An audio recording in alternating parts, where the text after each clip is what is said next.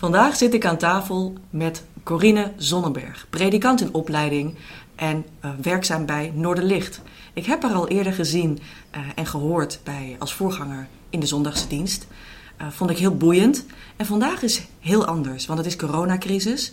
En we zitten hier in een lokaaltje de podcast op te nemen. Want ja, normaliter zou het in een andere setting zijn. Maar ik wil dat iedereen kennis met haar maakt.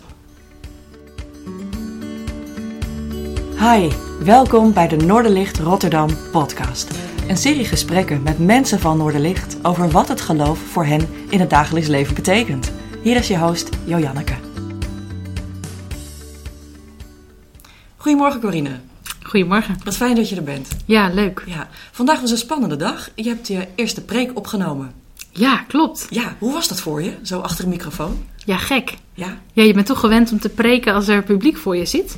En dan zie je soort vaak een beetje interactie of wat er dan gebeurt als je woorden uitspreekt. En dat heb je nu eigenlijk niet. Ja, af alleen een ja-knikker of helemaal niet. Ja, ja, en nu heb je alleen de microfoon. Ja. Maar het was wel, uh, wel leuk. Ja. Ja. Het was wel spannend om, uh, om zo te ervaren. Ja. Vertel eens iets over jezelf. Hoe ben je bij Noorderlicht terechtgekomen? Nou, ik ben dus Corine. Um, ik kom uit Hardingsveld. Ik ben 30 jaar. Um, ik ben getrouwd met Maurice en we hebben drie, uh, drie zoontjes. Van 7, 4 en 2. En um, in de preek zul je onder andere horen dat mijn zoontje van vier deze week zijn arm gebroken heeft. Dus dat is nog een extra uitdaging. Echt vervelend. In deze, in deze coronacrisis. Jeetje. Um, in dagelijks leven werk ik bij Youth for Christ. Waar ik uh, materiaal ontwikkel uh, voor tieners en voor jongeren. Um, en veel trainingen geef in kerken rondom uh, jeugdwerk. En daarnaast ben ik eigenlijk een aantal jaar geleden gestart met theologie. Ik dacht het is gewoon interessant om wat meer achtergronden te weten. Ook voor in mijn werk, voor de dingen die ik schrijf en ontwikkel. En eigenlijk na loop van tijd dat de studie vorderde, uh, kwam eigenlijk steeds meer het verlangen om toch um, nou ja, richting het predikantschap te gaan. Dus vandaar dat ik een paar jaar geleden besloten heb om toch te starten met de predikantsmaster in Amsterdam aan de Protestantse Universiteit. Ik doe het wel in deeltijd, want ik heb natuurlijk ook mijn gezin en mijn baan en alles ernaast. Dus um, het, is, ja, het is ook een lange weg die je dan moet gaan, maar het einde nadert. Dit is mijn laatste grote stage. En het vond ik ook wel echt heel leuk en bijzonder om het hier in het Noorderlicht te, te mogen doen. Dat was wel echt een van mijn wensen. Ik dacht, als ik straks een, um, een grote stage doe, ga ik dat het liefst in een pioniersgemeente doen. Dus was ik heel blij dat we dat voor elkaar kregen. Leuk. En is dat ook nog speciaal omdat het in Rotterdam is? Of uh, meer omdat het een pioniersgemeente is? Ja, eigenlijk beide. Ik wilde heel graag ook wel een soort de kerk in de stad zien en leren kennen. Uh, dat is toch anders als in een dorp.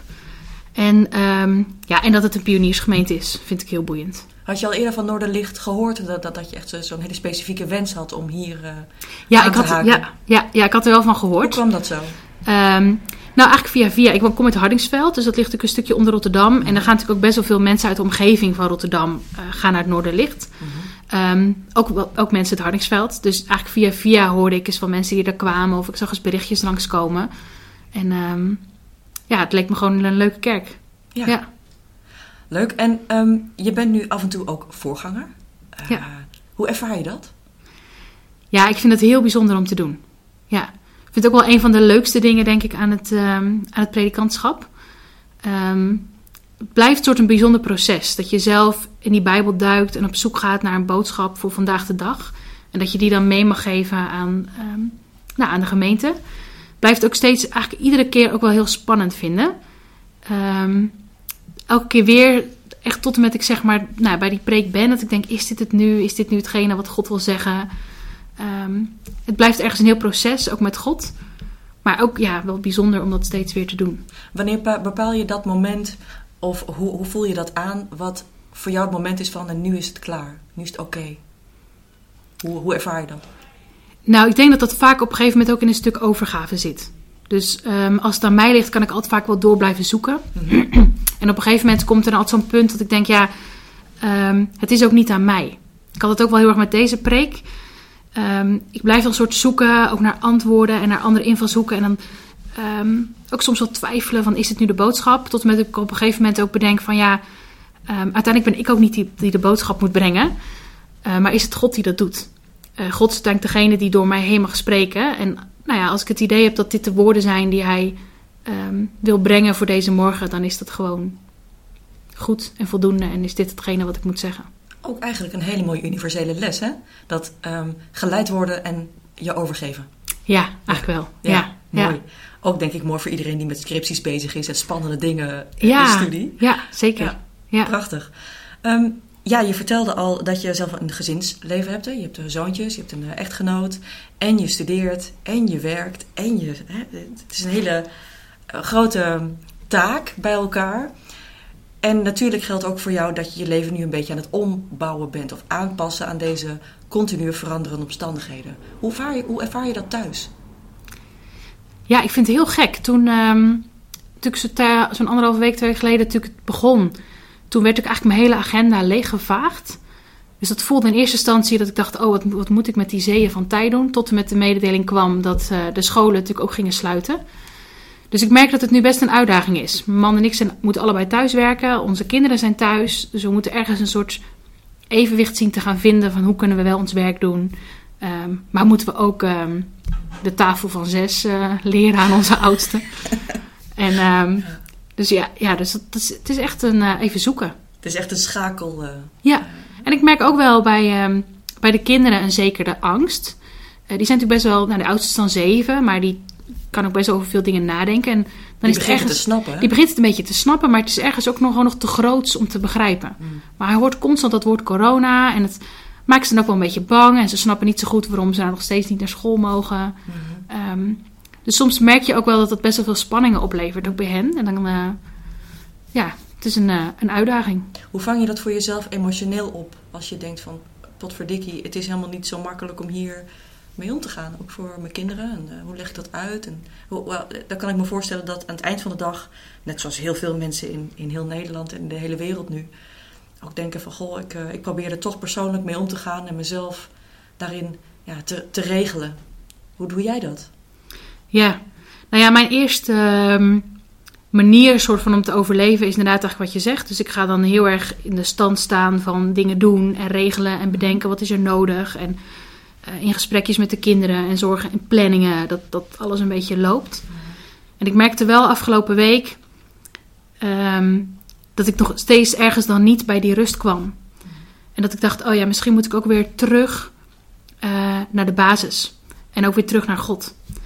En ik merkte dat het opeens ook heel lastig is. Want opeens zit je hele dag heel vol. Je huis is eigenlijk heel vol, want je zit met vijf mensen in een, in een huis. Eh, maar dat het toch zo nodig is om toch weer die Bijbel te pakken, toch dat gebed. Even God als aanspreekpunt van kunt u ook hier rust brengen in het gezin. En ehm, ik ben er ook mee begonnen met de kinderen. Dus om ochtends wel onze dag te starten. Op school zijn ze natuurlijk ook gewend om te starten met een Bijbelverhaal. Dus ik heb gezegd, we gaan het nu 's ochtends ook doen. We starten met het moment, met een verhaal uit de Bijbel, maar ook met een gebed. Ook juist om al die dingen waar we bang voor zijn, maar uit te spreken tegen God. En dat neemt de omstandigheid niet weg, maar het geeft wel rust en vrede in huis. Het is beter om oh, dan, dan, dan het te laten woekeren in je onderbewuste en, en dingen niet uit te spreken en vervolgens de frustratie de dag mee te nemen. Ja, zeker. Ja. Ja, Dus het houdt je huis eigenlijk heel vredig in die zin, Ja. relatief. Ja, denk relatief. Dat iedereen wel eens. eh, daarom. Er gebeuren nog steeds ruzies en eh, het loopt nog steeds allemaal niet al te vredig, maar het helpt wel dat je, het, dat je weet dat God er ook bij is. Ja, Dat geeft wel troost en vrede. Ja. mooi. Ik denk dat veel mensen dat ook wel eh, zich eraan vast mogen houden. Ehm, en laat God dan niet het sluitstuk zijn van je, van je dag, maar misschien het begin en Misschien het eind. Ja, Ja, inderdaad. Ehm, wat zijn je plannen voor Noorderlicht? Wat, wat, wat zijn je wensen voor Noorderlicht? Wat zou je leuk vinden? Ja, goede vraag. Ehm, nou, allereerst, ik vind het gewoon al heel boeiend om, eh, om mee te kijken. En ik leer hier ook echt enorm veel. En ik vind het vooral ook heel bijzonder om te zien hoe het Noorderlicht groeit. En daarmee niet groeit als gemeente op zich, maar ook zeg maar, zich weer verder verdeelt over de stad. En volgens mij is dat heel krachtig. Want je kunt ehm, juist door je te, te verdelen, ga je nog meer mensen bereiken, kom je op nog meer plekken.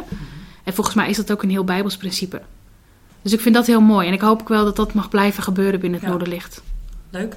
Nou, ik ben heel benieuwd welke, welke rol, je daarin voor jezelf gaat vormgeven. En hoe, dat, ja, hoe, hoe het land, ongetwijfeld heel goed. Eh, en ik wens je daar heel veel plezier, eh, plezier op mee. Dankjewel. Waar kunnen we meer over je ontdekken, Corine? Nou, ehm, ik heb een eigen site. Dus eh, waar- dat is die? misschien wel leuk. Ja, die heet www.bijbelborrels.nl. Oké. Ik heb namelijk ook een boek geschreven. Dat is speciaal voor kinderen. Vertel, wat voor boek is Ehm, dat? Het is een boek voor eh, kinderen om eh, de Bijbelverhalen te ontdekken, maar dan op een, ja, met, aan de hand van proefjes en experimentjes. Ehm, en ik deel daar ook wat van in blogs op mijn, op mijn site. Dus zeker als je nu ochtends nou, ook iets wil doen hè, om je dag te starten met, eh, met God of met een Bijbelverhaal, ehm, ja, kan het wel een leuke creatieve, creatieve handvat zijn. Ja, nu heb je ook uit, eh, uit je boek het werkje voor bij je preek gehaald uit, eh, uit je eigen boek. Ja, klopt ja. Ja, is een leuk creatief eh, idee. Ja, En misschien kunnen we daar in de toekomst ook nog wel wat meer van profiteren als, als jij dat oké vindt. ja zeker weten. Leuk. En waar kunnen we je boek vinden? Ook op je website? Ook op Of- mijn website. Ja. Wat ja. leuk. En hij is ook te verkrijgen in alle christelijke boekhandels. En, Wat goed. Ja. Bijbelborrels. bijbelborrels.nl. Mooi. Ja. Hartelijk bedankt. Is er nog iets wat je ons wil meegeven? Nou, vooral veel rust en vrede in de komende tijd. Zeker in de onzekere tijd die voor ons ligt. We weten niet wat er gaat gebeuren. Maar ik hoop dat we allemaal mogen weten dat, eh, dat God erbij is. Dankjewel. Graag gedaan. Jij ook bedankt. Bedankt dat je luisterde naar de Noorderlicht Rotterdam podcast. We hopen dat je er iets aan had deze keer. Je kunt alle afleveringen beluisteren via Spotify, YouTube, Apple Podcasts, Google Podcasts en natuurlijk via www.noorderlichtrotterdam.nl. Heb je een verzoek voor een onderwerp of heb je een suggestie voor een gast in de podcast? Stuur dan een mailtje naar podcast.noorderlichtrotterdam.nl of vertel het ons via Twitter. Tot de volgende keer!